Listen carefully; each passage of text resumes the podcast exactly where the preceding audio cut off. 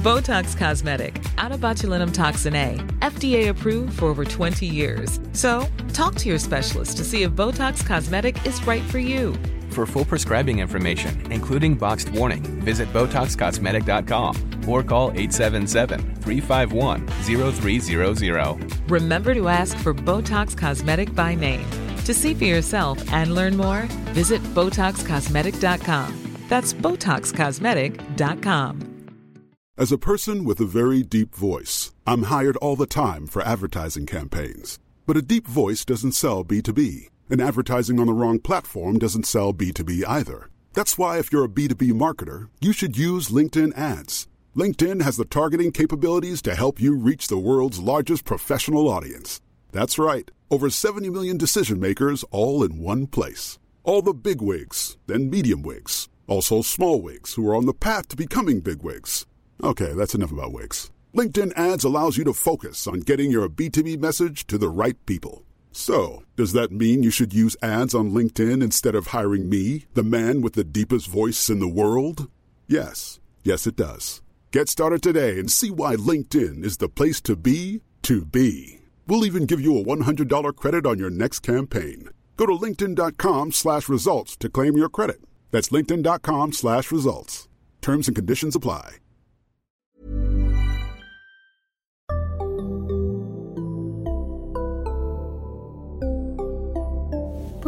Barnpsykologerna. Hej och välkomna till Barnpsykologerna.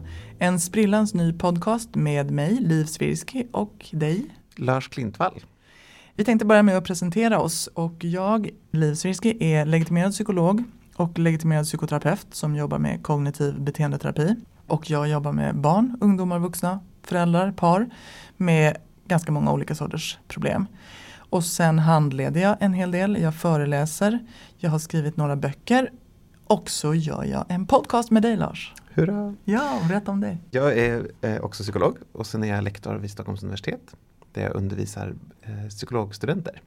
Fram, framtidens barnpsykologer undervisar jag. Eh, och sen är jag också manusförfattare så jag skriver också barnprogram. Och så gör du en podd. Och så gör jag en podd tillsammans med dig. Barnpsykologerna. Exakt. Eh, som ska handla lite om både om forskning och om eh, klinik. Eh, och tanken är att vi ska gå igenom vanliga problem som barn kan ha och tankar man kan ha om barnpsykologi. Och du ska prata utifrån ett kliniskt perspektiv och jag ska försöka prata lite utifrån ett forskningsperspektiv. Och så ska vi intervjua experter som vi träffar, som är experter på de olika ämnena. Exakt. Som vi vill ta upp. Och ganska brett. Vi kommer ha ämnen om eh, allt ifrån ångest och eh, autism till smärta och fysisk aktivitet och regler i föräldraskapet och så. Så att ganska mycket olika teman kommer vi ta upp. Mm. Och de håller ni koll på genom att följa oss på Barnpsykologerna på Facebook. Eh, Där lägger vi ut när det är dags för nya avsnitt och eh, teasar lite om vad som kommer. Så Bra. kolla där. Och i första avsnittet idag så ska vi prata om separationsångest. Så intervjuar jag dig om hur det är med barn som har svårt att skiljas från sina föräldrar. Ja, exakt. Kan du inte berätta lite där, vad är separationsångest? Separationsångest är när barnen är rädda för att vara ifrån, oftast är det föräldrarna men man skulle kunna säga att det är en, den viktiga vårdnadshavaren eller vårdnadshavarna. Och att barnet då upplever ångest när man ska separera och är rädda för att det ska hända dem själva något eller föräldrarna. Jag tänker att jag kallar dem föräldrarna även om vi vet att det kanske inte alltid är föräldrar i den juridiska meningen. Men så så att, att någonting ska hända någon av dem när de är ifrån varandra. Och, och från varandra, vad betyder det? Någon ska resa till eh, resa bort i två veckor eller, Eller gå på toaletten. eller gå på toaletten? Mm, det är Okej. verkligen hela spannet. Alltså vissa barn eh, tycker att det är jobbigt att bara vara i ett annat rum än föräldrarna eller föräldern. Mm. Vanligast kanske ändå är att eh, typ gå till skolan eller gå till en kompis, alltså vara borta ett par timmar. Mm. Att föräldrarna ska gå till jobbet eller så. Men det kan också vara på, på den nivån att det bara vara i ett annat rum. Gå ut med soporna. Vad är det för åldrar vi pratar om? Ja, alltså eh, separationsångest är ganska vanligt i typ 3 till 5 års åldern. Kanske inte så här kraftig men att barn kan tycka att det är lite jobbigt att bli lämnade till exempel. Det går ofta över av sig själv. Den här problematiken när man verkligen ser det som en ångestproblematik och söker hjälp då brukar barnen oftast vara lite äldre, jag skulle säga lågstadieålder. Ehm, de ska lämnas rätt mycket. Man förväntar sig att de ska fixa det. Liksom. Men de tycker det är väldigt jobbigt och det blir problem för dem. Det här måste ju vara ett, ett, beteende som alla barn visar. Eller inte alla barn, absolut inte alla barn. Men väldigt många barn måste ju visa Ja. ångest när de blir lämnade på förskola eller Precis, det är jättevanligt. Och då är det ju helt åldersadekvat och det är det också som växer bort oftast av sig själv. Så att nästan alla barn går igenom faser av det men när det blir så stort problem så att det liksom, barnet har ångest innan en separation, separationerna blir långa och utdragna och jättejobbiga. inte separationerna utan Jo, separationerna, separationsögonblicket exakt. blir Precis. Ja. Själv, alltså själva lämningen. Lämningen blir utdragen. Ja, och utdragen, då är det typ att barnet gråter, Ja, försöker förhandla. klamrar sig fast kanske, springer efter. Ja, Eh, så.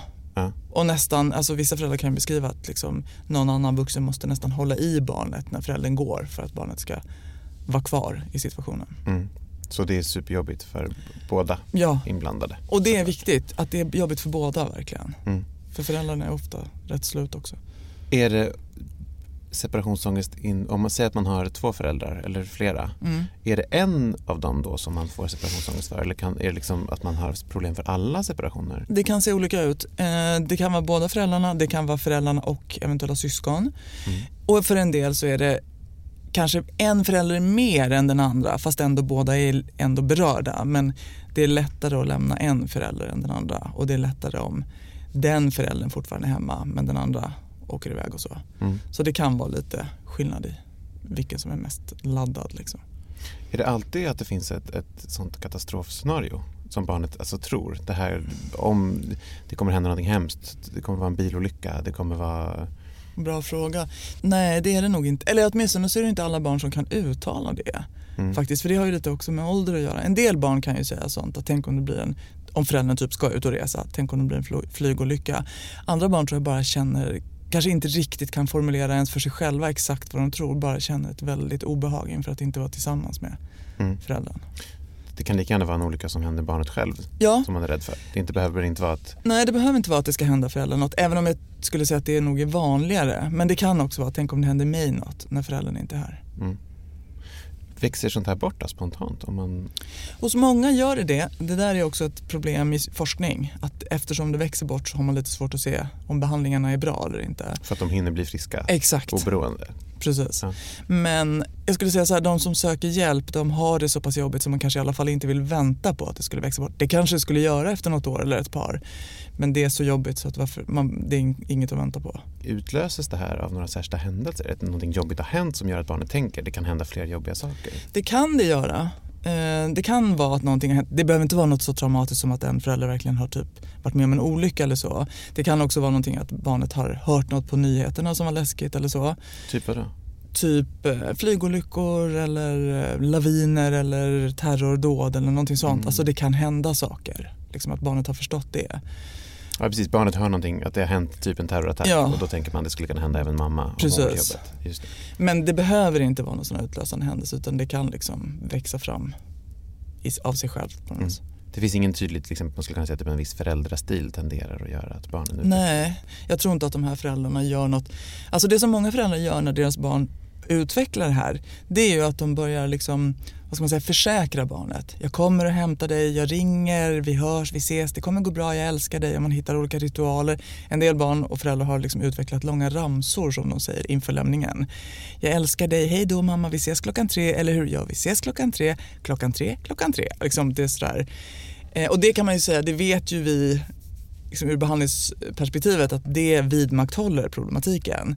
Men som förälder så, så gör man ju det i någon slags, vad ska man göra då? På något sätt vill man ju hjälpa sitt barn och man måste få till en lämning. Men, ja precis, men om den lilla ramsan är så där kort som du sa den nu, Ja. det låter ju inte som ett problem. Nej, fast den är kanske inte alltid så kort och den kanske ska sägas några gånger och den kanske blir längre och längre och så. så Okej. att, ja.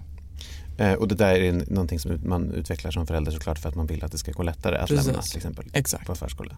För det är ju oerhört plågsamt som förälder att lämna ett barn som skriker efter en. Alltså som, Ja. mår, liksom, som har så stark ångest. Det är ju jättesvårt att bara, hej då nu. Det är ju liksom gå emot all föräldrainstinkt. Instinkten är ju att skydda ditt barn. Så det är ju det föräldrar på något sätt försöker hitta någon, något sätt att göra. Eller komma förbi liksom. Men, Ja, men ehm, Det måste ju också vara otroligt svårt om man lämnar på en skola eller på förskola och barnet tycker att det är jättejobbigt att veta om det är för att den har dåligt på förskolan. Att de är, det barnet är mobbat eller pedagogerna är dåliga eller vad det kan vara. Det går inte att veta som förälder vilket som är vilket. Nej, och där tänker jag att man måste som förälder ta reda på det. Förhöra sig, om man inte har förtroende med pedagog eller för pedagogerna så kanske man får höra med någon annan eller med andra föräldrar. Eller liksom. Sen kan man väl också ha lite ledning av om barnet också är rädd för att bli lämnat till andra sammanhang, alltså, in, alltså skolan men också mormor och morfar eller farmor och farfar eller kompisar. Då kan man ju misstänka att det här har inte så mycket med situationen att göra, det här har med barnet att göra. Mm. Eh, men såklart måste man ju veta att liksom, du skriker inte på det här sättet för att du blir slagen när jag har gått utan jag vet att du har det bra på den på det här stället. Det som ju också kan vara ledning för många föräldrar är du är så här ledsen när jag går och du är hemma med din andra förälder eller med ditt syskon. Alltså ja. där man liksom vet att barnet har det bra. Just det. Så, eller du skriker så här oavsett om det är jag eller pappa eller mamma eller som går.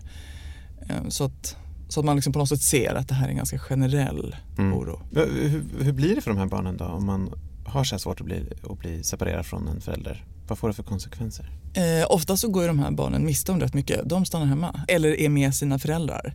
Alltså de eh, går inte, sover inte över hos kompisar, åker inte med på skolresor eller sådana saker, går inte på kalas, går inte hem till kompisar efter skolan, går inte på sina aktiviteter, går inte till fritids utan vill gå hem direkt efter skolan.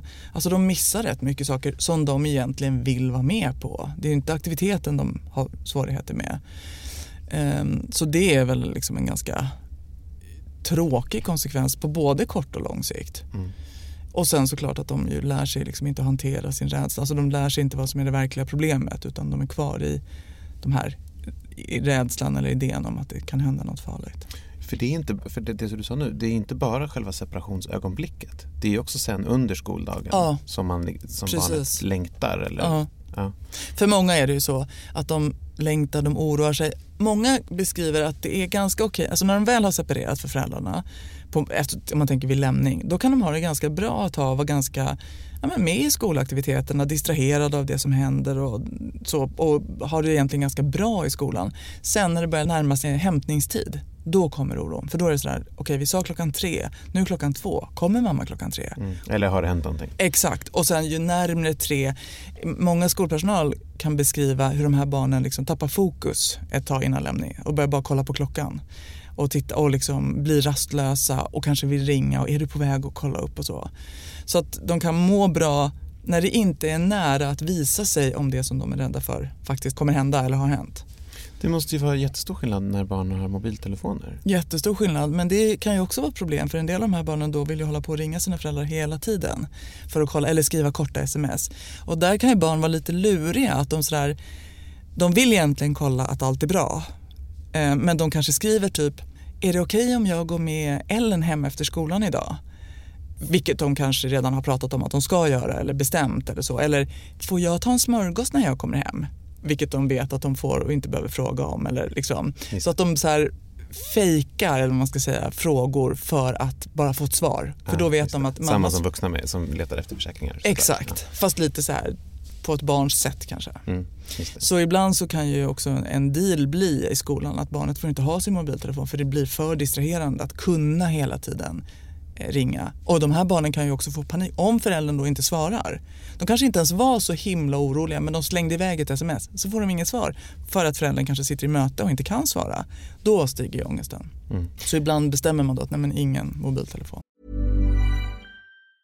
As a person with a very deep voice, I'm hired all the time for advertising campaigns. But a deep voice doesn't sell B2B, and advertising on the wrong platform doesn't sell B2B either. That's why if you're a B2B marketer, you should use LinkedIn ads. LinkedIn has the targeting capabilities to help you reach the world's largest professional audience.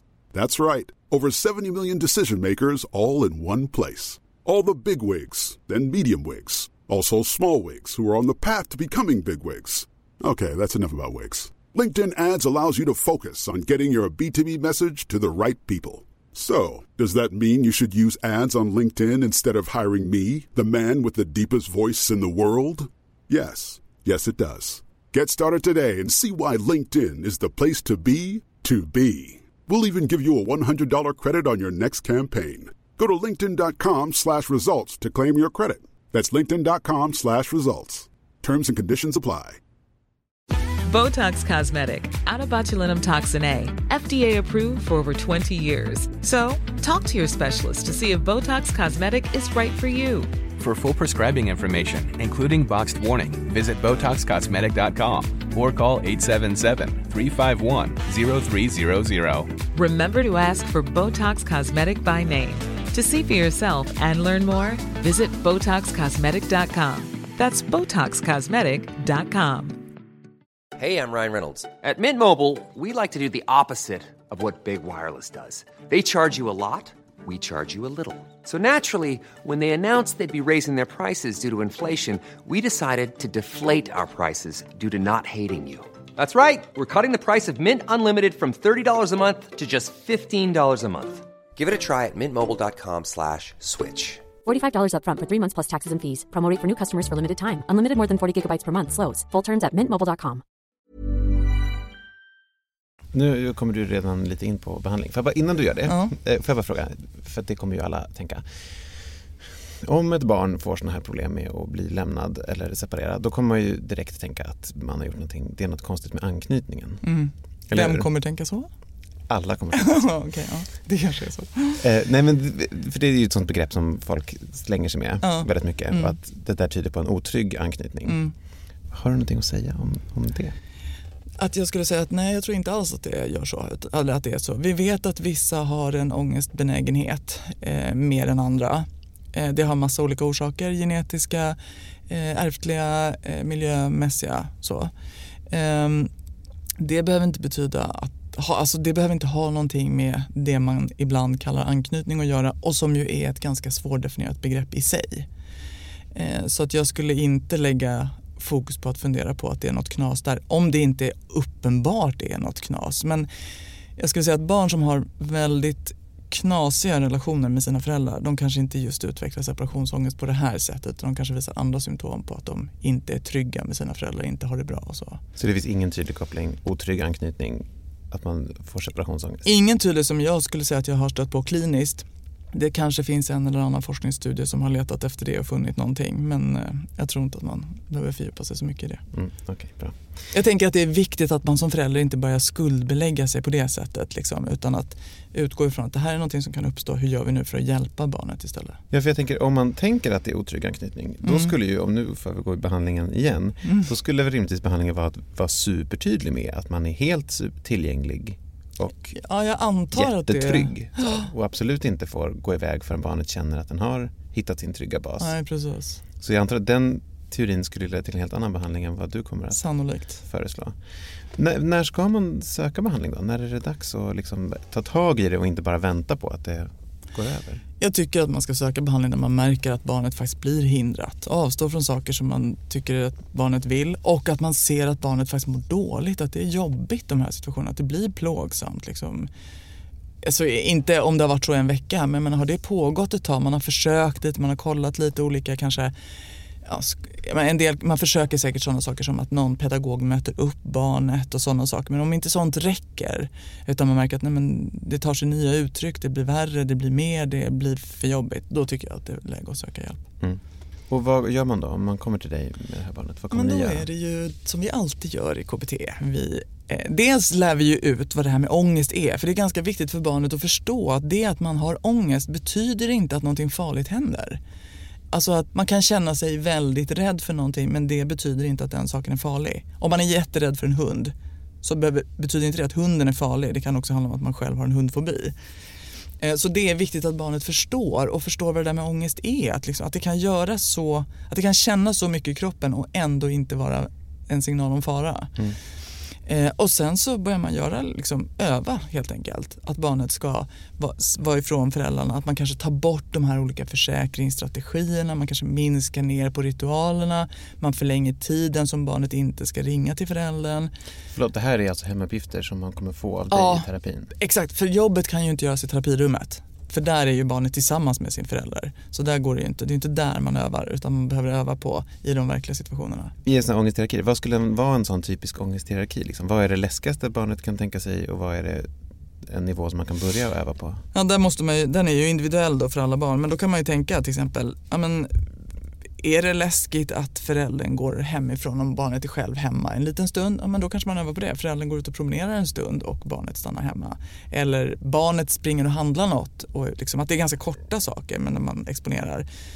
Men det är det lättaste steget? Ja, man försöker ju hitta något steg som är ganska lätt där man eh, och så börjar man öva där helt enkelt. Mm. Men det kan Eller- även vara, som du var inne på, föräldern går in i ett annat rum. Ja, eh, exakt. Det kan är vara det enklaste steget. Ja, om det, om det är jobbigt. Alla barn har ju inte så utpräglad se- separationsångest. Men är det så, då börjar man ju där. Mm. Eh, barnet får vara i sitt eget rum en stund eller i ett annat rum eller på Mm. en annan våning eller så. Och gör man någon sorts deal då? Så jag är borta i fem minuter, sen kommer jag komma tillbaka? Ja, först kan man ju jobba så. Man kan säga att som terapeut i en KBT-terapi så gör man ju alltid en beteendeanalys kallar vi det ju.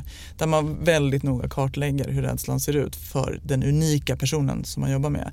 Så här får man ju titta på hur ser det ut för det här barnet? Vad kommer att vara effektiv behandling? Är det att sätta en tid eller är det att inte ha en tid utan låta det pågå och se, ja du får ångest och vad gör du då? Du stannar kvar eller så. Så där måste man anpassa egentligen efter det barn man jobbar med. Får man hitta på sätt att motivera barnet till att gå med på de här Ja. övningarna? Alltså åtminstone yngre barn tycker jag att det kan vara så med för de tycker liksom inte de ser inte riktigt nyttan av att separera. De tycker att lösningen på det här skulle vara att man alltid är tillsammans. Äldre barn kan ju vara rätt motiverade för de tycker att det här är jobbigt och inser att det här är inte rimligt. Men det kanske är liksom 12, 13, 14-åringar som, som hamnar där. Men en 7-8-åring kan nog tycka att det här är riktigt jobbigt och bli ganska arg. Det kan jag uppleva ibland, de blir ganska arga på mig som terapeut för jag föreslår så dumma saker. Och liksom, Mm, just, det. just det, för ni sitter och hittar på hemska skräckscenarier Ja, i terapin som ni exakt. ska gå hem och göra till nästa Så, gång. ja. Just det.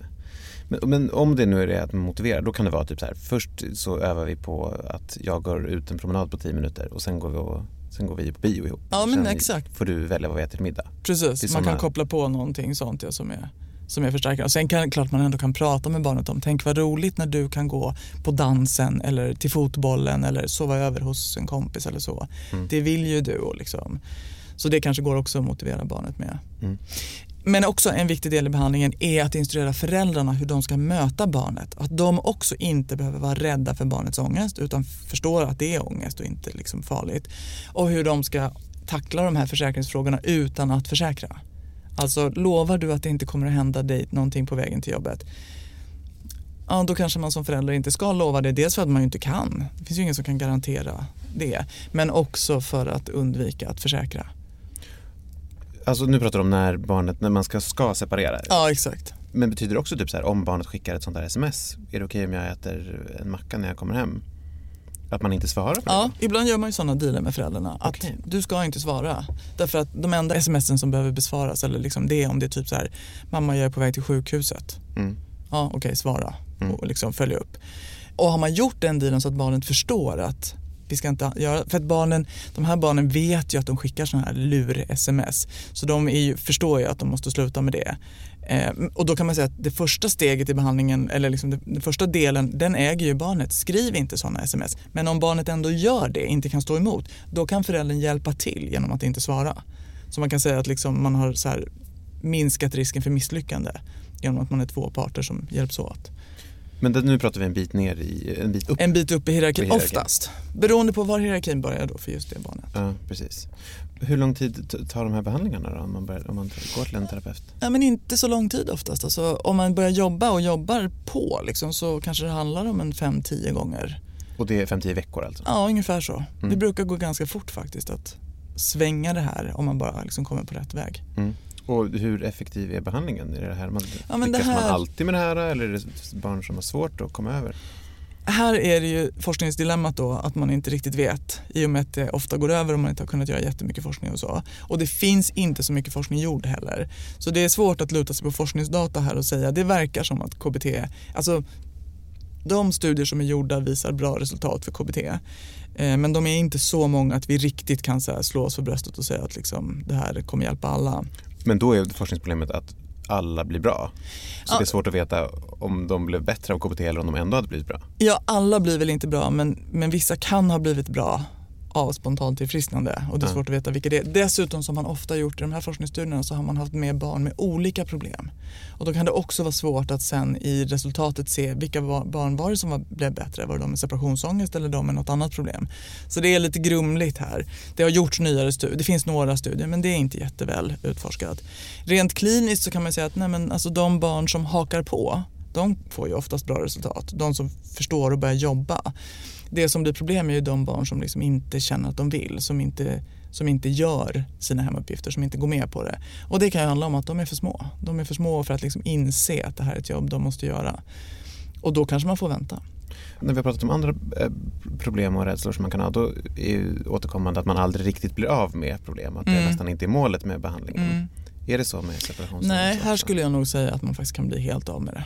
Mm. Sen är det klart att man ju aldrig blir oberörd inför att någon man skulle någon man älskar och håller av liksom råkar ut för något. Men att man inte är orolig för det. Mm. Men sen, jag menar, visst det kan ju komma tillbaka, det kan ju komma en sväng tio år senare eller fem år senare eller så. Det, så. Men jag skulle nog säga att man faktiskt kan bli rätt så rejält av med det. Om man tänker liksom, där det inte är snack om att gå i terapi, utan men det ändå är så här, det är lite jobbigt vid lämningarna. Mm.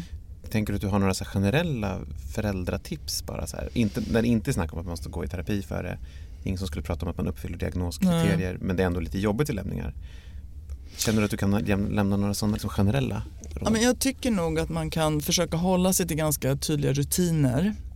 Men också vara väldigt tydlig med att på något sätt signalera till barnet det är ingen fara. Du kommer att ha det bra här och vi ses snart igen och allt, det blir bra. Så att man liksom inte sugs in i att det är något hemskt som kommer att hända. Eh, och risken är att man signalerar det om man går in i mycket ritualer och liksom oro och så. Eh, och sen att man kanske som förälder om man då tycker att det är jobbigt att man hittar sätt att själv hantera sin oro. Man kanske ringer till, till skolan efter en timme och kollar var allting bra och har man gjort det några gånger och fått höra att ja det är bra nu så kanske man blir lugn och inte behöver höra det mer och så. Men, men märker man liksom att nej, de här ritualerna det blir bara mer och mer och fler och fler och sådär då kanske man ska fundera på att behöver vi ta ett nytt grepp. Och de flesta föräldrar vet ju inte hur, det här, hur det, liksom, sånt här funkar så det är inget konstigt. Man kanske bara behöver träffa en terapeut ett par gånger för att få lite goda råd om hur man ska göra. Jag jobbade på förskola och då tyckte vi att föräldrar skulle göra såna här riva av plåstret-lämningar. Ja. Tyckte ju vi såklart för det var Ja. lättast att ha dem hängande i hallen. Liksom. för det tror jag pedagoger ofta tycker. Ja. Särskilt förskolepedagoger tycker så här, men bara gå. Ja. Det kommer bli bra, så vi tar hand om det här. Alltså, jag tror att det är egentligen, jag tänker att, att de tycker det måste vara baserat på rätt mycket erfarenhet. De ändå träffar så himla mycket ungar och har sett att det för de allra flesta är en rätt bra strategi. Jag tycker de brukar vara tydliga med ta ett ordentligt avsked, alltså hej då puss puss nu går jag. Inte så att man typ så här smiter när barnet har ryggen till liksom. Och så lämnar man. För att många barn ju som har den här vad ska man säga, vanliga naturliga separationsångesten för dem blir det rätt plågsamt om man drar ut på det. För de är ledsna bara så länge de ser föräldern. Alltså många beskriver ju det här, ja, sen gråter de i tio sekunder och sen såg de en leksak så var allting bra. Då ska man ju inte dra ut på det för det, det man drar ut på är ju faktiskt barnets plåga då. Just det. Så. Eller så gråter de i tio minuter och sen ser de en leksak. Men det är ändå bättre än en halvtimmes Ja exakt. Precis. utdragen Ja, lämning. Liksom. Precis. Eh, tack så mycket Liv. Det var jättebra och intressant. Ja, roligt. På ett problem som jag tänker är verkligen supervanligt Ja. på mininivå. Exakt, precis. Alla har det här problemet lite. Lite liksom. ja. ja. Och alla har väl minnen från när de själva var små och hur jobbigt det var. ja. Och det växer ju såklart hos en när man ska lämna ett barn som gråter. Liksom. Ja, exakt. Och det är ju verkligen viktigt att poängtera igen då att det är inte miniproblemen vi pratar om nu utan nu är det när det blir problem på mer än en mininivå, liksom, när det faktiskt blir problem. För att som du säger, det här har alla lite av och det är helt okej. Men om man är tio år och inte kan Ja. gå till skolan själv, då är det Då är det inte så dags att söka hjälp. Ja.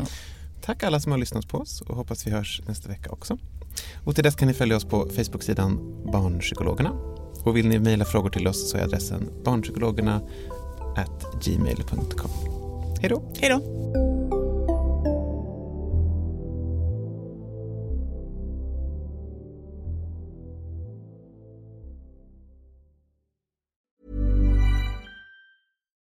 Botox Cosmetic, out of botulinum toxin A, FDA approved for over 20 years. So, talk to your specialist to see if Botox Cosmetic is right for you.